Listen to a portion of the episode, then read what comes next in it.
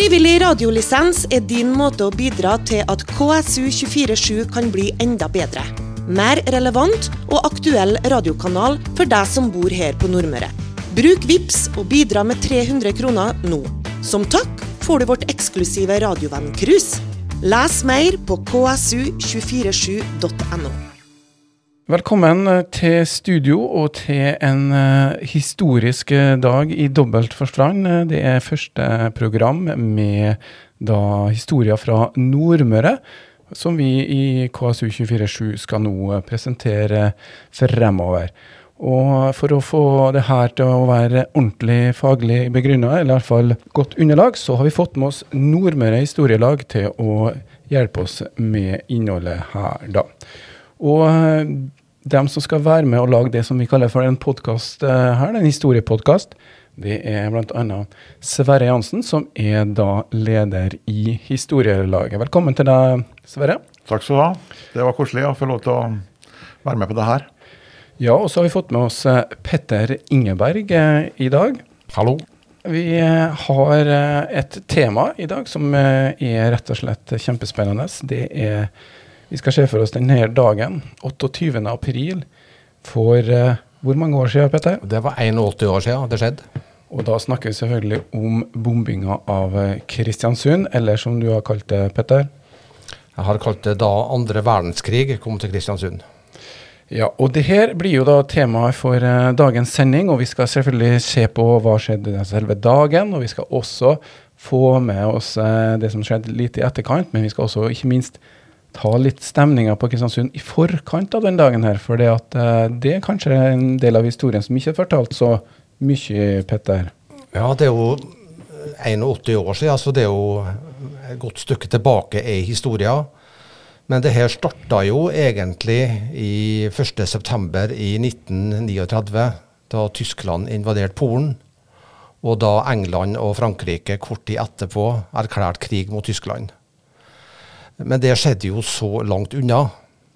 Så langt unna Norge, og i hvert fall så langt unna Kristiansund, at vi hadde Det var sånn tilskuerplass vi hadde på den krigen der. Det var en storkrig som foregikk i Europa, og som selvfølgelig ikke noen gang kom til å berøre Kristiansund. Det var jo folk overbevist om. Ja, altså, Hvis vi skal greie å, å sette oss litt i stemninga her, eh, kan ikke dere bare ta litt sånn Hvor gamle er dere, forresten? Ja, det er jeg som er gamlest fra oss. Eh, jeg begynner å bli eh, Jeg er sånn etterkrigsbarn. En stor generasjon, født i eh, desember i 46. Så jeg har bare hørt om krigen egentlig fra ja, egentlig svært lite fra foreldrene mine. da. Men jeg vet litt om hva faren min gjorde under krigen. Mora og to søstre som vi hadde da, de flykta til litt Averøya, og til, vi hadde hytte på Årsund. Og så var faren min hjemme og kasta brannbomber fra takene våre og ned på Langveien. Fordi at eh, det var jo kasta 10 000 brannbomber i Kristiansund eh, under krigen. 1000 sprengbommer. Men eh, det var bare mange som sto på takene for å kaste ned. og Vi var jo så heldige at vi, det brant ikke hos oss da. Du tar og går langt ut i historien allerede. Det er veldig bra, Sverre. Du er en engasjert ja, historielagsleder. Hvor lenge har du vært med i den historielaget? Ja, det begynner å bli noen år nå. Uten å ta en lange versjon? Ja, nei, den korte versjonen er at det blir noen år. og Petter, du er også med i historielaget? Ja, jeg har også vært med en del år, og så ble jeg hanka inn eh, som varamedlem i styret i fjor, da. Og det er interessant å være med på for en som er veldig historieinteressert. Ja, For du har gitt ut en del bøker gjennom bl.a. ditt yrke i Kristiansund eh, kommune? Ja, jeg har vært så heldig og fått eh, vært med og skrevet en del lokalhistoriske bøker. Og mange av dem da har jo hatt fokus på det som skjedde under krigen. Så det har jo faktisk blitt den, det hovedinteresseområdet mitt da, når det gjelder historie. Og så har du jo blitt med i den prosjektgruppa om bind sju Kristiansundshistorien. Eh, det skal vi komme tilbake til, for det er sikkert vel verdt mange tema. Mm. Nå er vi tilbake til 28. april 1940. Eh, eh, kan du ikke bare dra i gang, Petter? Hva slags historie skal vi få høre nå? Jo, nei, Det du skal få høre, er jo da at etter hvert som krigen i Europa utvikla seg, så begynte den jo også å spre seg litt utover. Og det var for litt foruroligende meldinger som også berørte Norge. Eh, hvis vi drar det frem til 8. april i 1940, så gikk det jo over 30 krigsfartøy ut fra Tyskland og gikk ut i Nordsjøen. Som ble observert, selvfølgelig, og man trodde da at det her var noe som angikk det som skjedde ute i Nordsjøen, men ikke Norge. Noen mente jo at det her var farlig for Norge, men de fleste, samt de myndighetene, politiske ledelse i Norge, mente at dette ikke kom til å berøre Norge. Så hadde det seg slik at en av de krigsskipene som skulle inn til Trondheim dagen etterpå, de hadde et lite rekognoseringsfly om bord som ble sendt ut for å følge med hva som skjedde litt rundt omkring mens de gikk oppover langs kysten. Og det flyet, et bitte lite med to stykker om bord, det gikk tom for bensin, og så gikk det ned på Vevang. Og Der for de inn til land og spurte om de kunne få kjøpe bensin. Det fikk de ikke. Isteden ble de tatt i forvaring av lensmannen og sendt til Kristiansund. Og ble da innkvartert på Grand Hotell. Vi var jo ikke i krig, så de var jo bare internert. Så da neste morgen kom, så hadde jo de tyske slagskipene kommet inn til norskekysten. Eh, Oslo skulle jo tas mer enn den første. Og det kom meldinger om at et stort tysk skip var senka i Oslofjorden. Det var Blykjer. Da er vi 9. april. Da er vi på 9. april. På morgenen tidlig på dagen? Da? Ja, tidlig på morgenen en tirsdag. Eh, skolene var i gang, så elevene var forrige på skolen. Avisene kom ut med formiddagsnummer, slik at de rakk å få med seg nyheten når avisene da ble levert ut til abonnentene. Og da ble det, det første som skjedde, var jo at de to tyskerne som satt på Grand Hotell, ble arrestert. Kanskje som landets to første krigsfanger. Men det har en liten historie der, Peder, fordi at det var en engelskmann som satt der også? Ja, det var det, for det var et engelsk fly som de fikk uh, motortrøbbel, så de gikk ned på Bolksvaet. Det var sjøfly. Og så ble de taua inn på havna, og så de satt jo på Grand Hotell. Internert uh, engelskmann òg? Ja da. Ja, så egentlig engelskmann. Ja, de, de, satt, de, satt, ikke på samme bord som tyskerne, men de satt i nærhet av hverandre og utveksla ukvemsord, da. Ok, Det må være litt av en scene. Men altså forestille altså, Vi har jo alltid tenkt at vi er liksom kompis med engelskmennene, men de var egentlig like mye sånn fremmede folk. Ja, vi var litt urolige fordi at engelskmennene hadde lagt ut miner i Norge for å forhindre et eventuelt tysk angrep. Og det var norske myndigheter veldig bekymra for. Så de var mer bekymra for det dagen før enn de var for at den, den gjengen med tyske båter hadde gått ut fra Tyskland. Ja. Men da, så snart nyheten kom om at Norge var angrepet av Tyskland, så ble jo skolene stengt. Og elevene ble sendt hjem. Og politimesteren han gikk ut veldig fort og anmoda folk som hadde anledning til det, om å evakuere byen. Og Formannskapet de hadde møte senere samme dag, krisemøte. Og Da vedtok de at, uh, å oppfordre folk til frivillig evakuering. Samtidig som de iverksatte, iverksatte da en tidligere oppsatt plan om at barn, eller utsatte barn og eldre og syke skulle evakueres ut av byen. Og Det bestemte de allerede 9. april? Det bestemte de 9. april. Da hadde de kanskje en forestilling om at det kunne bli krigshandlinger? Ja, man var litt ikke sikker på hva som skulle skje. Og Kristiansund var jo en liten, veldig tettbygd øykommune. Eh, hovedsakelig bestående av trehus. Og hvis det utenkelige skulle skje at det datt ei bombe i Kristiansund og det ble brann, så kunne jo hele byen brenne. Ja, og Da må vi huske på at i nesten et halvt år da, så har vi hørt historier fra Europa. Ja. Krigshandlinger. Og nå begynner ja. kanskje Så krigens grusomheter var jo kjent. Og i det i utenkeligste fall da, så kunne også Kristiansund kanskje bli berørt. Men folk tok det vel ganske rolig likevel, gjør de ikke det? Ja, folk tok det rolig. For da trodde de ikke på, vet du. Nei. Altså, Det at krigen foregår i Europa, det er sånn eh, skrekkblanda tilskuerplass vi har til det. Og så kommer krigen til Norge med at uh, tyske skip og styrker besetter deler av Norge. Men det er klart at ut til Kristiansund, hva i all verden skulle de hit å gjøre? Så folk hørte jo det som politimesteren sa, men tenkte at nei, vi blir hjem. Vi passer på hus og hjem. Og så får vi heller gjøre noe hvis det blir av alvor. Så det var situasjonen her 9.4. Men de bygde tilfluktsrom. De eh, begynte å jobbe litt, hadde vakt på Varden. Ja, de gjorde det. For etter hvert som eh, krigen i Europa utvikla seg, så kom det jo meldinger fra nasjonale myndigheter om at det var lurt å tenke tilfluktsrom og tenke hva man skulle gjøre hvis man ble angrepet, og evakueringsplan og sånne ting. Men fortsatt så hadde man en sånn lay back-holdning til det i Kristiansund, så man bygde ikke noe særlig tilfluktsrom før Norge ble angrepet. Da ble de ivrige. Så da begynte jeg med å bygge tilfluktsrommet i Kristiansund i all hast. 9, fra 9. april og fremover? Fra 9. april og utover så begynte jeg med å gjøre det. Men det er en plass de vei, ikke tror jeg liksom folk vet hvor det var tilfluktsrom, men det var nede i parken. Ja, blant annet i parken. Ja. Mm. Da snakker vi nedenfor Langveien, eh, ja. parken der. Ja. ja. I det området fra Hjorten i parken opp i Svanedammen der og nedover, så ble det bygd noen provisoriske tilfluktsrom som ifølge brannmesteren var livsfarlig. Okay. Ja, for Gikk det bombe der, så kom alle til å dø på flekken. Okay. Men jeg kjenner folk som har vært nede i de tilfluktsrommene og som har benyttet det under krigen. Da, så de ble nok uh, evakuert der nede, en del av de folkene som var der. Men Hvordan, hvordan, sånn, hvordan var bygd var liksom sandsekker da, og litt jord over? Eller? Ja, jeg tror det var grovet litt, sånn at det var en litt sånn uh, anledning til å gå ned i, ned i jorda, ja. ja. Mm. Det var sånn totom firtom som var satt opp som et tak, mm. og så skulle folk krype under der, da, og så var det dekket over med sandsekker og diverse. da. Så kom det ei bomme, så ble det nok tatt likevel, da. Ja. tror jeg. Men du, mora di, Petter, var ikke hun med i Sanitetsforeninga? Jo, mor mi var med i Sanitetsforeninga, og de var jo kjempeaktive. De hadde samla inn penger til å få et mobilt feltsykehus, så de hadde eh, lagra i fasiliteten.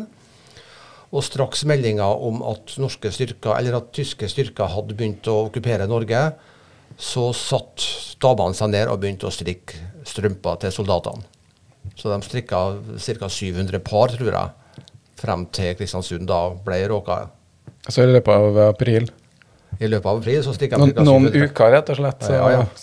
ja, Det var jo en del aktive kvinner som var med for å sånn, forebygge skader under krigen. Så ja, Sanitetsforeninga var jo aktiv på den fronten. Ja, Sanitetsforeninga var viktig, og Røde Kors var viktig, og Hjemmedes Vel var viktig, og det var dyktige kvinnfolk som gjorde en kjempeinnsats. Da, ta er jo før vi på en måte har en sosial etat, eller altså Vi har ikke barnehager, vi har ikke Nei. den der apparatet som vi har i dag. Mye av det var Sanitetskvinner og ja. Røde Kors og ja. Så kvinnenes innsats under krigen er jo også under krigen her det er underfortalt. Underkommunisert, ja. Mm. Det er verdt et hel program, tenker jeg. Det, men det skal vi ta seinere.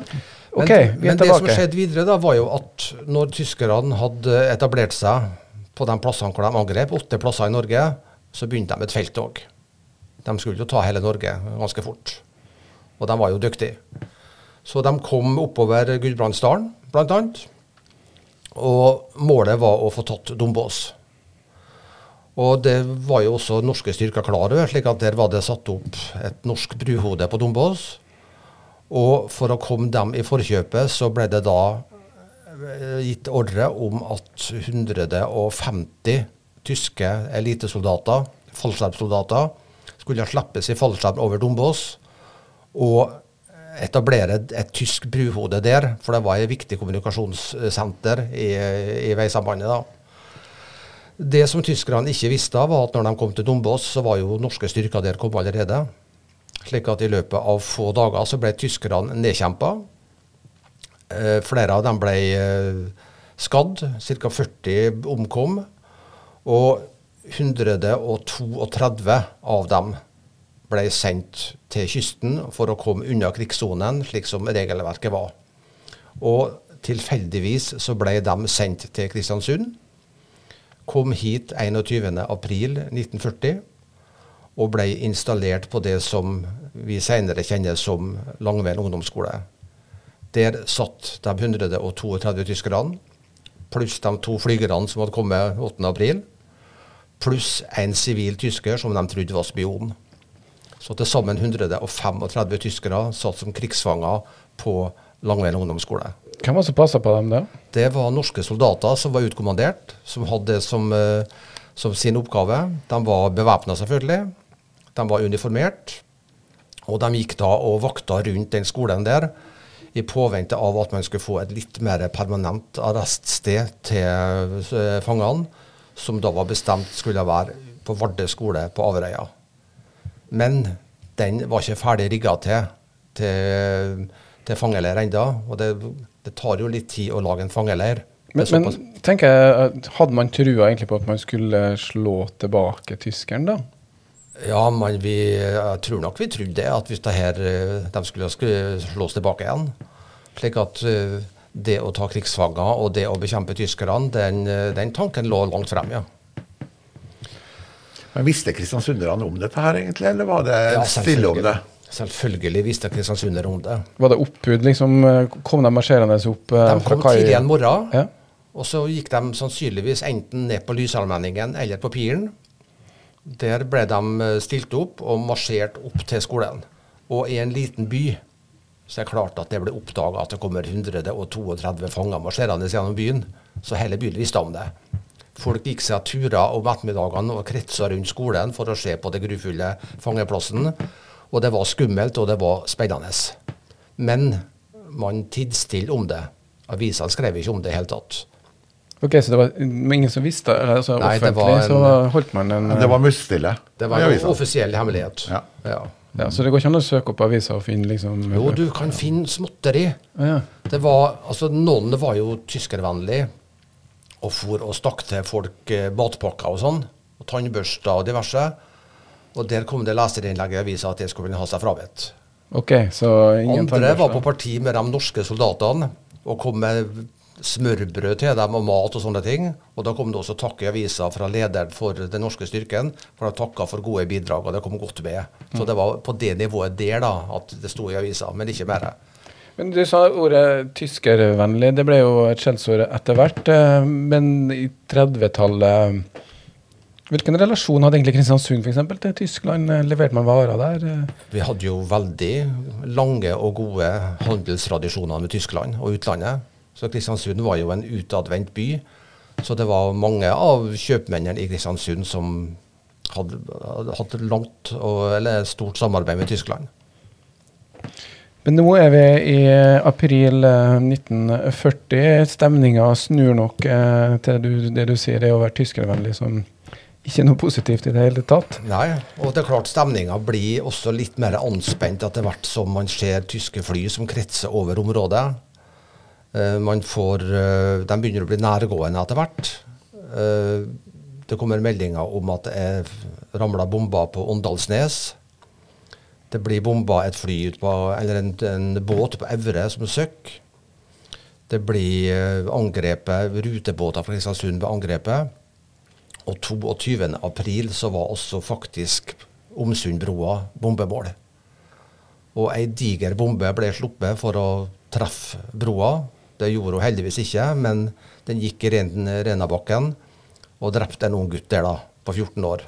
Det første krigsofferet Første krigsofferet var den 14 år gamle Ingolf Vatn. Det står ei minnetavle om han oppe i Renabakken. Oppe i Renabakken ja. Mm. Og det var, det var, et under egentlig at dette her at uh, man ikke tok uh, Omsundbrua. For det har vært vanskelig å evakuere fra Kristiansund. Alle måtte ha i båt. Nå ja. kunne man jo evakuere til Frei mm, over broa. Ja, ja for Omsundbrua kom opp eh, på 30-tallet? Nei, den kom opp i 1940. 1940, så den var helt nyåpna? Den var ikke åpna i hele tatt. Den var ikke åpnet. nei. Ah. Så broa var stengt. Og det var jobba da med at den skulle ha den offisielle åpninga helt i begynnelsen av mai. Eller i april, altså i overgangen april-mai. Og man venta da bare på at de skulle bli ferdig med siste finpussen av broa, og så skulle den åpne. Men heldigvis så sto hun der, og den var ferdig. Slik at når, skulle, når man da kom dit at man skulle evakuere Kristiansund, så var det over 6000 personer som flykta over den broa der. Og det er klart at hvis ikke brua hadde vært der, så måtte de da ha tatt seg over med båt, og da ville evakueringa blitt utrolig bedre dramatisk. Så rett og slett uh, tunnel under Freifjorden er beredskapsplan uh, nummer én, eller akkurat her i tilfellet Omsundbrua? da? Omsundbrua var særdeles viktig. For Hvis ikke skulle de 6000 på ferger og båter og ja, ja. det som var frakteveien da. Det var jo sånne båter som gikk på fjordene i den tida. Ja, men det skal utrolig mange båter til å ta en befolkning på 12 000. da hvorav 6000 da som ca. flykta den veien der. Over Løkkemyra og inn mot Frei, og så da videre ut på Nordmøre. Det ligger jo en sånn bomme inne i byskogen, som ja. eh, rester av sannsynligvis det som forsøkte å ta broa. da. Ja. Men eh, det går an å se på hva sprengbommene egentlig hvor stor de var. hvor tung de var. Ja, og du nevnte at det var en bombe på Omsundbrua, men det, før 8. april det kom flere sånn Det ble flere krigshandlinger inn mot, inn mot i vårt område? Ja, det var bl.a. en av rutebåtene som het Statsråd Riddervold, som ble angrepet av et tysk fly, både med bomber og med maskingevær. Og en av sprengbombene gikk i båten, men detonerte heldigvis ikke. Den landa i ei tønne og ble da sluppet på, på Bremsnesfjorden altså, før de gikk videre. De kjører altså båten, og så ser de fly over seg, ja. og så hører de bare Ja, de hører suset, og så hører de at det skjer et eller annet i båten. Og så går den gjennom dekket, da? Går gjennom dekket. Og så tenker de at nå, nå er det slutt. Og så blir det helt stille. Du hører bare dukk-dukken fra båten. Og så begynner de å sjekke etter hva som har skjedd. Da venter folk liksom bare på når eksploderer det her, liksom? Ja, du tenker at nå dør jeg. Ja. Ja, ja. Og jeg er sikkert noen som hoppa i sjøen uten at jeg har sett at det har stått, da. Men sannsynligvis gjorde nok noen det. Men det de gjorde, var at de gikk til land med passasjerene. Eh, satte av dem, gikk ut på Bremsnesfjorden og senka bomber i sjøen. Før de dro tilbake til kaia, henta folkene og dro videre innover mot Halsa. Fortsatt som før, hvis det evner fremover. Ja, ja litt om den roa som var til den krigen eh, for mange. Hvilken dag var det her? Eh, det her var 25. april? 25. april, ja. Det er tre dager før det virkelig braker løs? Tre dager før det braker løs. Relativt eh, ikke så mye panikk, det forteller episoden der om. Folk har begynt å evakuere? Ja, de ble vel litt mer ivrige til å evakuere når den bomba falt i Renabakken. Og når de begynte å bombe rutegående eh, båter, da. Så det var nok noen flere som dro etter hvert. Men fortsatt var majoriteten av innbyggerne igjen i byen. Og da skal man våkne opp til et uh, inferno etter hvert uh, på den 28. april. Det kommer vi snart tilbake til. Frivillig radiolisens er din måte å bidra til at KSU247 kan bli enda bedre mer relevant og aktuell radiokanal for deg som bor her på Nordmøre. Bruk VIPS og bidra med 300 kroner nå. Som takk får du vårt eksklusive radiovenn-cruise. Les mer på ksu247.no. Søndag 28. april så bombes eh, Kristiansund. Eh, vi her på podkasten Historie fra Nordmøre så har vi nå eh, kommet rett og slett til 28. april. Vi hadde hørt om eh, krigsutbruddet hvor Norge da ble en del av de krigende partene fra 9. april. Hvordan eh, vi har, tyskerne da har kommet i land og kjører felttog gjennom Norge.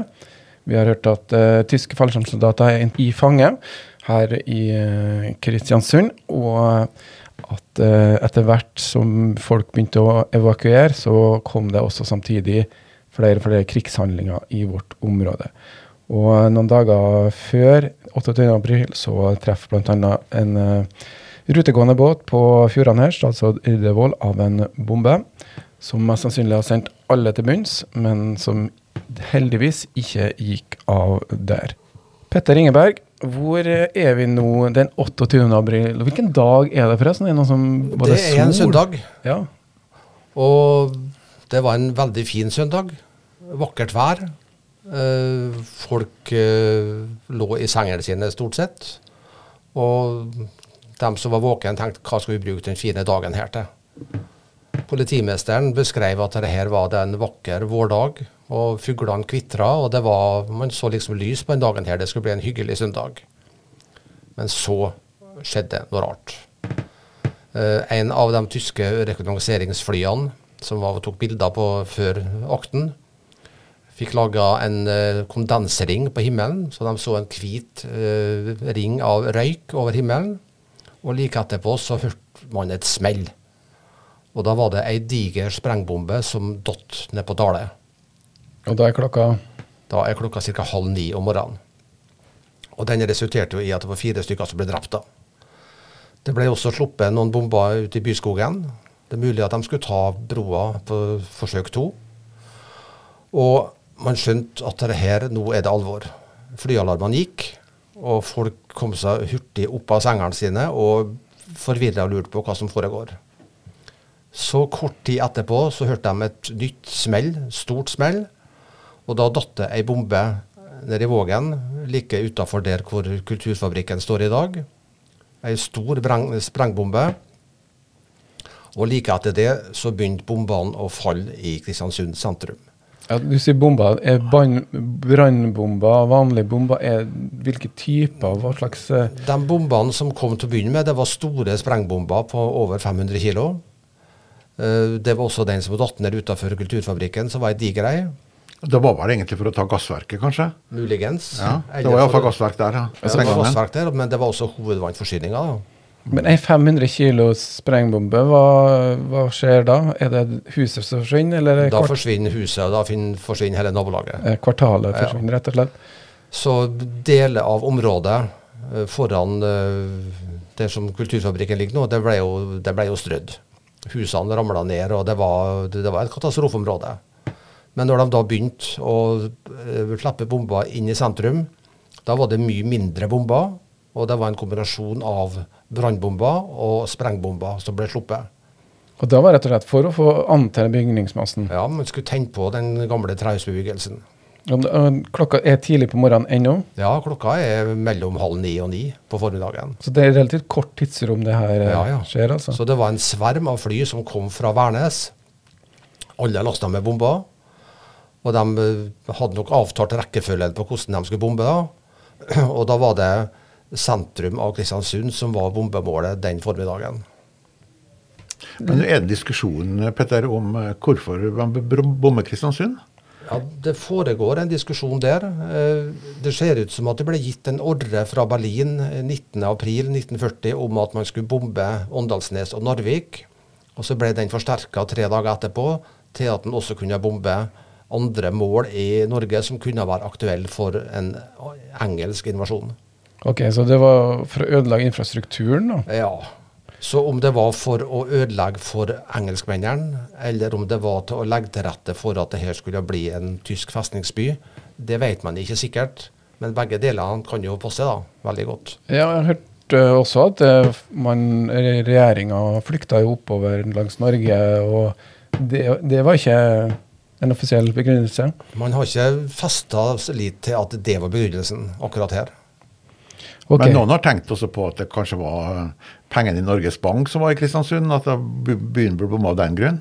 Men eh, tilbake til det her fra, fra Trondheim. Hvem altså lasta de tyske flyene i Trondheim? Hvordan ble det gjort? De ble vel lasta av uh, tyske bakkemannskap, tenker jeg, men flyplassen ble jo tilrettelagt av uh, norske arbeidere. Fordi at det var ordføreren i Trondheim som hadde oppfordra folk til å dra ut dit og ta jobb for å jobbe på den flyplassen for å utvide rullebanen der. Bombeflyene eh, kommer en sverm over Kristiansund. Klokka er halv ni-ni på morgenen. Og ja. hva gjør folk da? Nei, hva gjør du hvis du begynner å dette bomba over hodet på? Du stikker av. Så folk, eh, i den grad de kunne få med seg noe i det hele tatt, så sprang de ut av huset med kanskje en koffert i hånda og en sekk på ryggen og for av gårde. Uh, unna uh, det som de da så på som fareområde. Så de trakk seg i første omgang til utkanten av byen, og regna vel med at dette her var noe som snart gikk over. Bare komme seg vekk fra byen? Ja, komme seg ut av sentrum, da. Mm. Og, og, den gangen så var det jo ikke veier over Gomma til Nordlandet? Det var Nei, de måtte jo gjennom Vågen. Det var der veien gikk. Freiveien? Ja. Viadukten var jo ikke laga for etter krigen. Men mange for ut i um, De trakk seg utover mot Lissan og Smørbukta og klubber og den veien der, og til Brunsvika, for da var de ganske trygge. Og noen for i Folkeparken. Eh, noen for på Nordlandet, liksom trakk seg unna der hvor de følte at det var litt tryggere. da. Og noen satte seg i kjelleren? Ja, rådet var jo at hvis du er i sentrum og det begynner å dette bomber, så skal du gå i tilfluktsrom hvis det eksisterer. Hvis ikke så skal du prøve å søke nærmeste kjeller som ligger under bakkenivå. Så veldig mange gikk jo ned i kjellerne når brannalarmen eller når flyalarmen gikk, og satt der når bobbene falt. Du fortalte meg at uh, du nylig fikk høre historier om hvordan din mor uh, og deres, din familie da reagerte. Ja, familien til mor mi, uh, hennes foreldre og mor, tre av mine tanter og onkler, de bodde oppe i Klausundsgata oppi noe som het funksjonærboligen. Heldigvis var det et murbygg. Stort murbygg. Og det, når brannalarmen på fasiliteten gikk Det sto jo sånn eh, flyalarm oppå taket der, og det gjør det jo fortsatt. Så sprang de ned i kjelleren, og der satt de. Og så gikk det en stund, og så hørte de en stemme som ropte gjennom lufteluka der at hvis det er noen som sitter nede i kjelleren, så kom dere ut, for huset står i brann. Og Da sprang de ut, og da så de at i løpet av kort tid så var hele huset nedbrent. Et kjempedigert hus med tolv leiligheter. Ja, det er en murkasse, men alt inni er jo tre. Ja, det var etasjeskiller på tre. Så, og, og søstrene mine forteller at de satt i damehjemmet oppe i Langveien, uh, i kjelleren der, fordi at uh, det var et sånn tilfluktsrom som de brukte. Men um, jeg hadde en bestefar da, som bodde i Storgata, drev forretning i Storgata. Og uh, de så det at det huset kom til å brenne. Så de flytta alt innboet som de greide å få med seg, da, over et annet hus som de ikke trodde kom til å brenne. Og så brant det også i løpet av natta. Så det var veldig mange sånn tragiske tilfeller i Kristiansund at alt det de hadde, de forsvant egentlig. Ja, for det, Du nevner bombing her. Hvor mye bomber falt over en viss tidsrom? Man er ikke helt sikker på antallet, men man snakker om ca. 1000 sprengbomber og en plass mellom 5000 og 10 000 brannbomber som ble sluppet i løpet av fire dager. 5000 og 10 000? Ja. Da utraderes rett og slett eh, Kristiansund. Ja. Og de Brannbommene er ikke så veldig store, så hvis du tenker at de er litt større enn halvlitersflaske med brus De er ikke større enn det? De er ikke større enn det. Men de var jo lasta med fosfor og antentes ved anslag, slik at de spredde jo en voldsom til ild. da. Og det var jo noen som eh, Det landa noen eh, bomber på skoleplaner på Allalengen skole. Og den prøvde de å dekke over med sand. Så de, de tømte over ei bytte med sand, eller flere bytter med sand over den brannbomba, og sanda ble rødglødende. Og da kan du tenke deg at når ei sånn bombe treffer et hustak, kakker hull på skiferen og begynner å antenne underlaget, så står straks hele taket i brann. Og hvis det er trehus, da, så brenner jo huset ned. Prøvde de å slukke eh, Hva er noe jeg hadde en far som sto på taket på det huset som eh, de bodde i da. eller Jeg var ikke født ennå, men uh, som de bodde i. Han sto på taket og kasta brannbommene ned i langveien. da. Så det gikk an, det. Og det var flere som gjorde det. Ja. Og jeg tror egentlig hele kvartalet der det ble berga av den grunn at det var noen som passa på kaste brannbommene videre. da. Ja, altså, Lander brannbomma, så har du tid da før den liksom Ja, det kan ha tid, da. Mm. Så det de gjorde, at de gikk opp takluka. Og satte de opp på taket, og så når de så at det kom ei brannbombe ned, og ble liggende og frese. Så karra de seg bort dit, og så sparka jeg på ned. Ja. ja. Og oppi um, Men det var mye skifertak i Kristiansund den gangen. så Det er kanskje derfor også man skulle ha skifertak i sentrum av Kristiansund. At det var noe i levninger fra krigen. da, for det, eh, det har jo vært ganske lenge en, en, et vedtak om at det skulle være skifer i, i sentrum av Kristiansund. Ja, det var det som var den vanlige taktekkinga. Ja. Men det er klart de tåler ikke ei brannbombe som kommer der. Det er kakkehull. Mange bygninger ble Noen plasser ble berga, men det var ikke mange. Ja, ja, Da var du langt opp i Langveien da, hvis du skulle berge noe. Ja. Opp med kirka omtrent. Der, derifra oppover så ble det veldig mye berga da. Ja. Så hvis du går oppover Langveien og kommer til Kirkeland kirke, der er det et tidsskille som du kan se. Og husene ovom kirka er i stor grad førkrigshus. Nesten uten unntak. Alle husene nedom kirka er gjenreisningshus. Men det som er rart også, det var jo at en del hus ble påsatt. da, At uh, det var kristiansundere som satte fyr på husene som var litt lenger opp. da. Så det er jo en del hus som er påsatt i Kristiansund. Det er ikke alle som brant pga. brann. For å få erstatning, da, eller? Ja, Nei, altså kanskje... Hvis du er i kjeltring, ja. og byen står i brann, og alle folkene har rømt, da er det jo bare å gå inn i husene og stjele det du vil. Og det var en del som gjorde.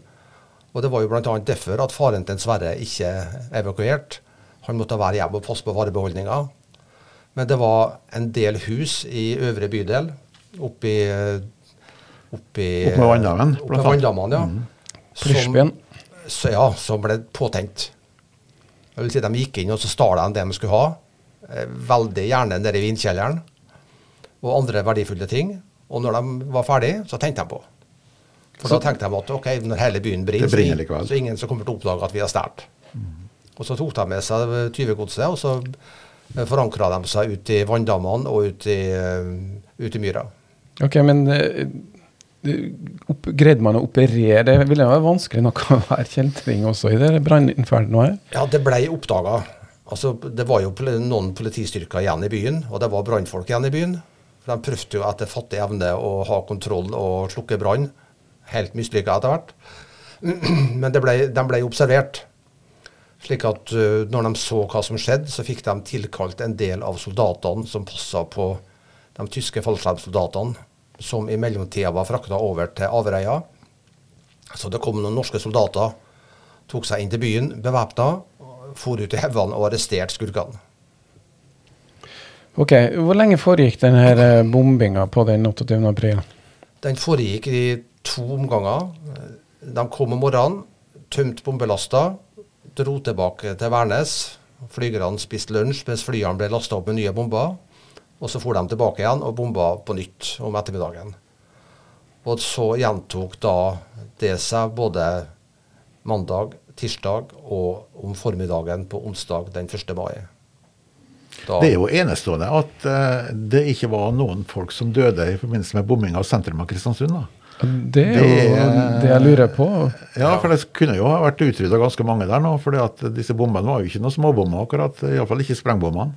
Så kanskje varslinga om evakuering, forberedelsene til det, gjorde kanskje at folk var litt mer forberedt? Eh? Ja, både og. Altså, litt korrigering, Sverre. Brannbombene som ble sluppet i sentrum, de var også små. Ja. De var på størrelse med ja. sånne halvlitersflasker. da. Men de var ikke sånne store 500 kilos. Slik at uh, det var ikke kvartalet som ble utrydda. Uh, folk satt enten ute i haugene og kikka på med skrekkblikk, eller de satt i kjellere. Og kom seg unna mens, eh, mens flyene ikke var der. Men det var jo fire stykker som ble drept eh, på Dale når den bomba falt. Han Ingolf Vatn ble drept når en bomba falt på Renabakken den 22. Og en av dem som var med og slukka brann i sentrum her, eh, fikk ei pipe over seg og døde to dager etterpå. Så totalt fem stykker, da. Altså, Du kunne bevege deg rundt i byen og så dette i de halvlitersflaskene hvis jeg kan bruke det uttrykket, ja. rundt deg. da. Ja, I tusenvis. I tusenvis. Ja. ja. Ja det, er jo, ja, det er jo Det er ikke rart at de tenker på det med dramatikk. og at uh, Har det vært i dag, så har det vært uh, krisepsykiatere rundt i alle hauger for å få tak i folk. altså, Men uh, den gangen måtte man greie seg sjøl. Mm. Ja, det, og det er derfor vi sier det også, at det, vi, får, for, altså vi, som hadde foreldre som opplevde dette, her, har ikke fått fortalt så mye av det som faktisk skjedde, fordi at uh, man la lokk på det. Ja. Det er jo derfor uh, kanskje historien uh, aldri blir helt fullt ut fortalt, og det kan komme stadig nye historier, og det blir alltid nye ting å oppdage. Det er alltid nye ting som dukker opp når man begynner å grave seg ned i det. Vi må jo ha med helt fra begynnelsen at hovedkirka brant jo. Og jeg vet ikke om det traff med bomme, men det kunne hende at det var spruta fra andre hus over til den kirka, slik at den brant ned. Det var ikke så mye man fikk samla opp fra den kirka før den brant ned. da.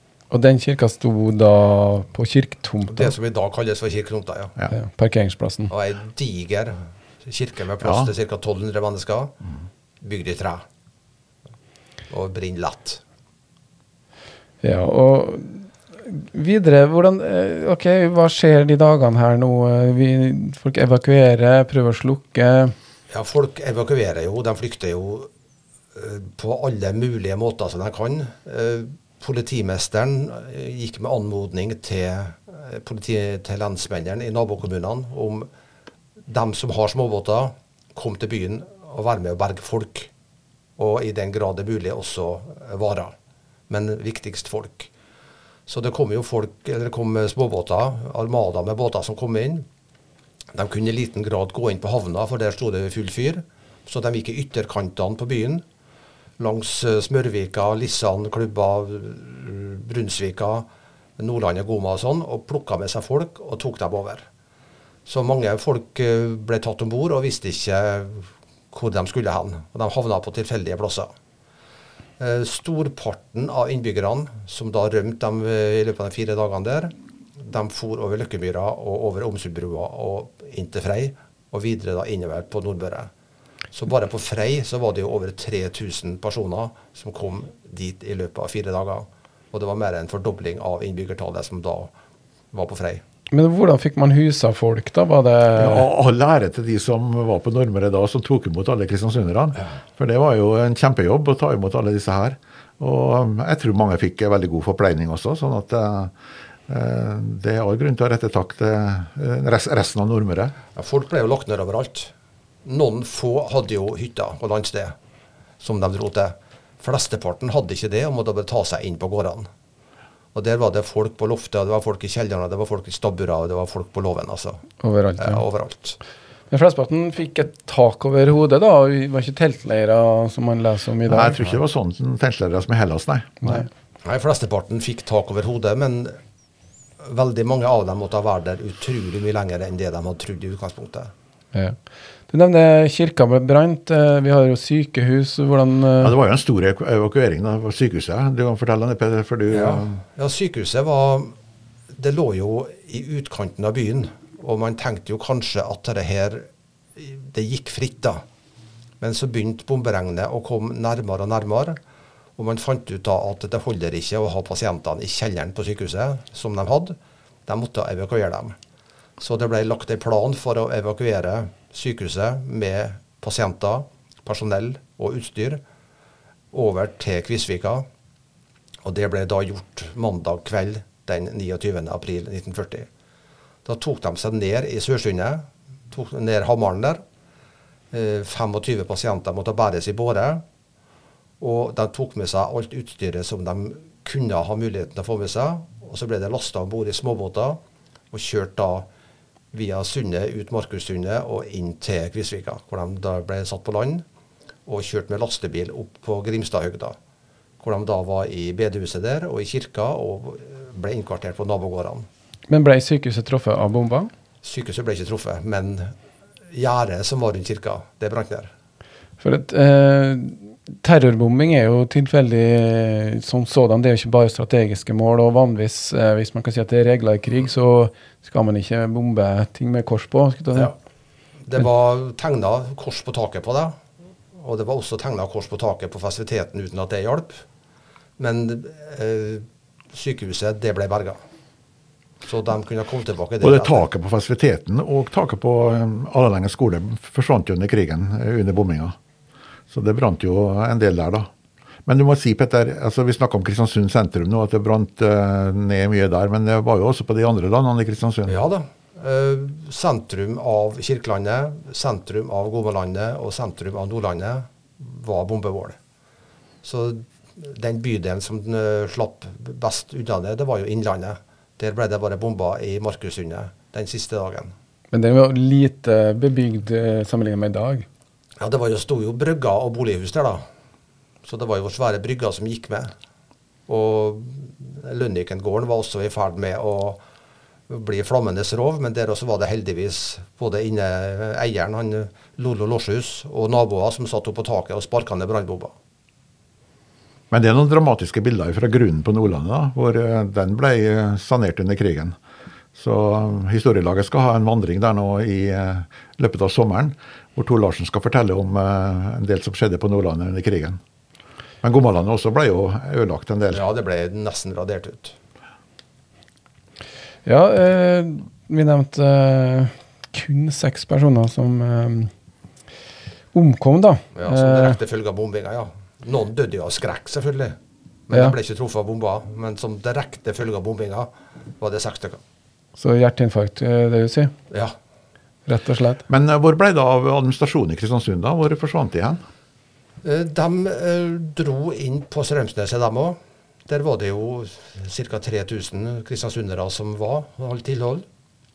Og han Kristian Fasting, som da var innehaver av det huset som i dag heter Fastinghjørnet, han ble utpekt av fylkesmannen til å være fylkesmann for Nordmøre pga. dårlige kommunikasjoner så ville fylkesmannen dele opp embetet. Og da ble han stasjonert inn på landstedet deres, inn på um, Strømsneset, på Eidegard. Og der var da både fylkes, den lokale fylkesadministrasjonen, og der var også den kommunale administrasjonen etter hvert. Og kommunestyret møttes der? Ja, ja kommunestyret møttes jo ikke. Nei. Det var personer, sentrale personer som tilfeldigvis var der, eller som kunne tilkalles, som var på møter inn på Eidegard. Og 3. mai, da var, jo, da var det første offisielle møtet under ledelse av Ulrik Olsen. Det ble holdt inn på Øydegard og notert som journal nummer én. Og Der ble det da gitt ordre om at man skulle begynne å rydde byen. Man skulle prøve å få fiksa eh, elektrisitetsforsyninga. Og Ulrik Olsen sa at vi satser på at vi skal bygge byen opp igjen. Altså det er fem dager etterpå. Hvordan ser det ut i Kristiansund etter fem dager med, tre dager med bombing da, og branner som Ja, det er en ulmende ruinby. Hvor det ikke bor folk i det hele tatt, bortsett fra utkantstrøkene. Det er ubeboelig. Men da forventer vi jo at eh, så kommer tyskeren, da. Gjorde han det? Ja, tyskerne kom etter hvert til felttoget. Det kom jo etter hvert også til Kristiansund.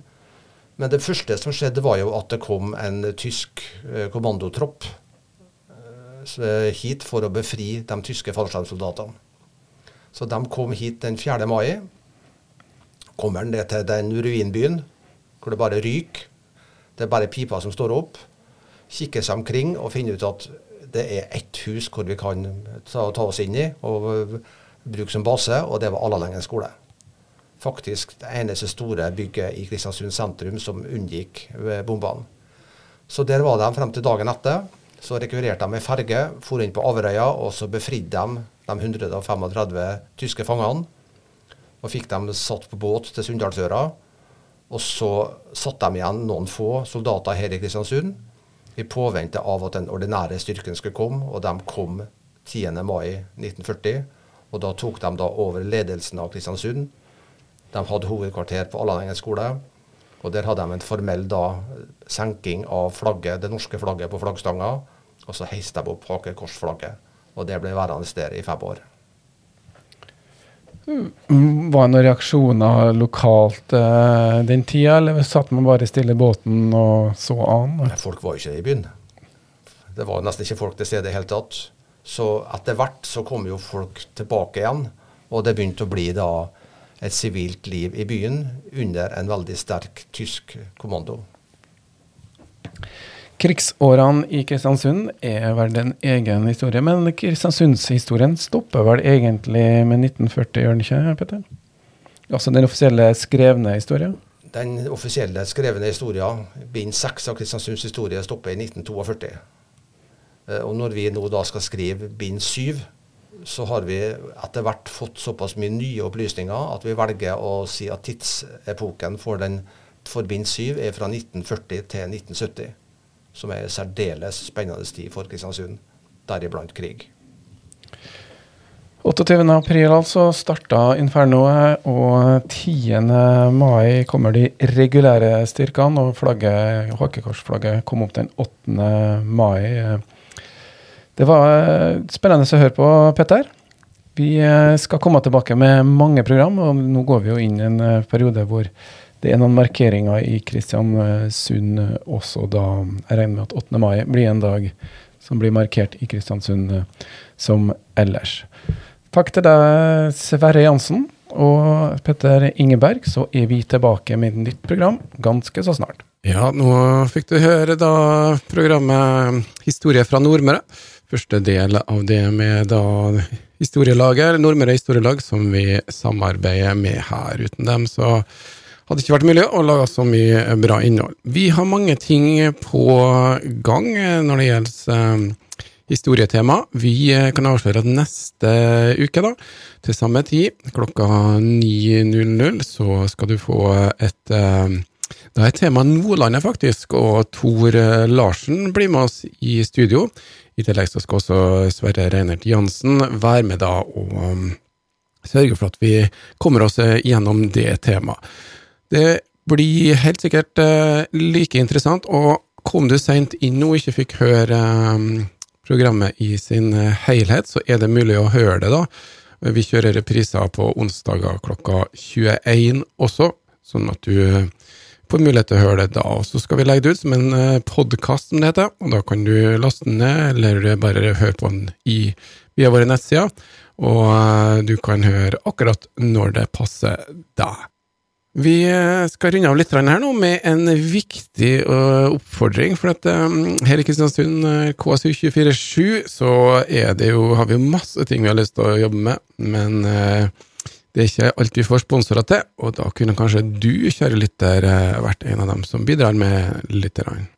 Frivillig radiolisens er din måte å bidra til at KSU247 kan bli enda bedre mer relevant og aktuell radiokanal for deg som bor her på Nordmøre. Bruk VIPS og bidra med 300 kroner nå. Som takk får du vårt eksklusive radiovenn-cruise. Les mer på ksu247.no. Dagens oppfordring, og hvis du er glad i historie, så er det absolutt eh, en eh, del av eh, bidraget også bli medlem av Nordmøre historielag, hvor du også da får en årbok, og tillegg til masse møter og innhold som går på historien her fra Nordmøre. Hvis du har noen tilbakemeldinger på programmet, hvis du har et tema, hvis det er noen vi må snakke med, hvis det er noen bygdehistorier eller noen vi ikke har fått med oss, som sitter rundt på Nordmøre med en god historie, så kan de gjerne sende oss en e-post. Det er post at ksu247.no. Nå takker jeg for meg, og vi høres igjen om ikke altfor lenge.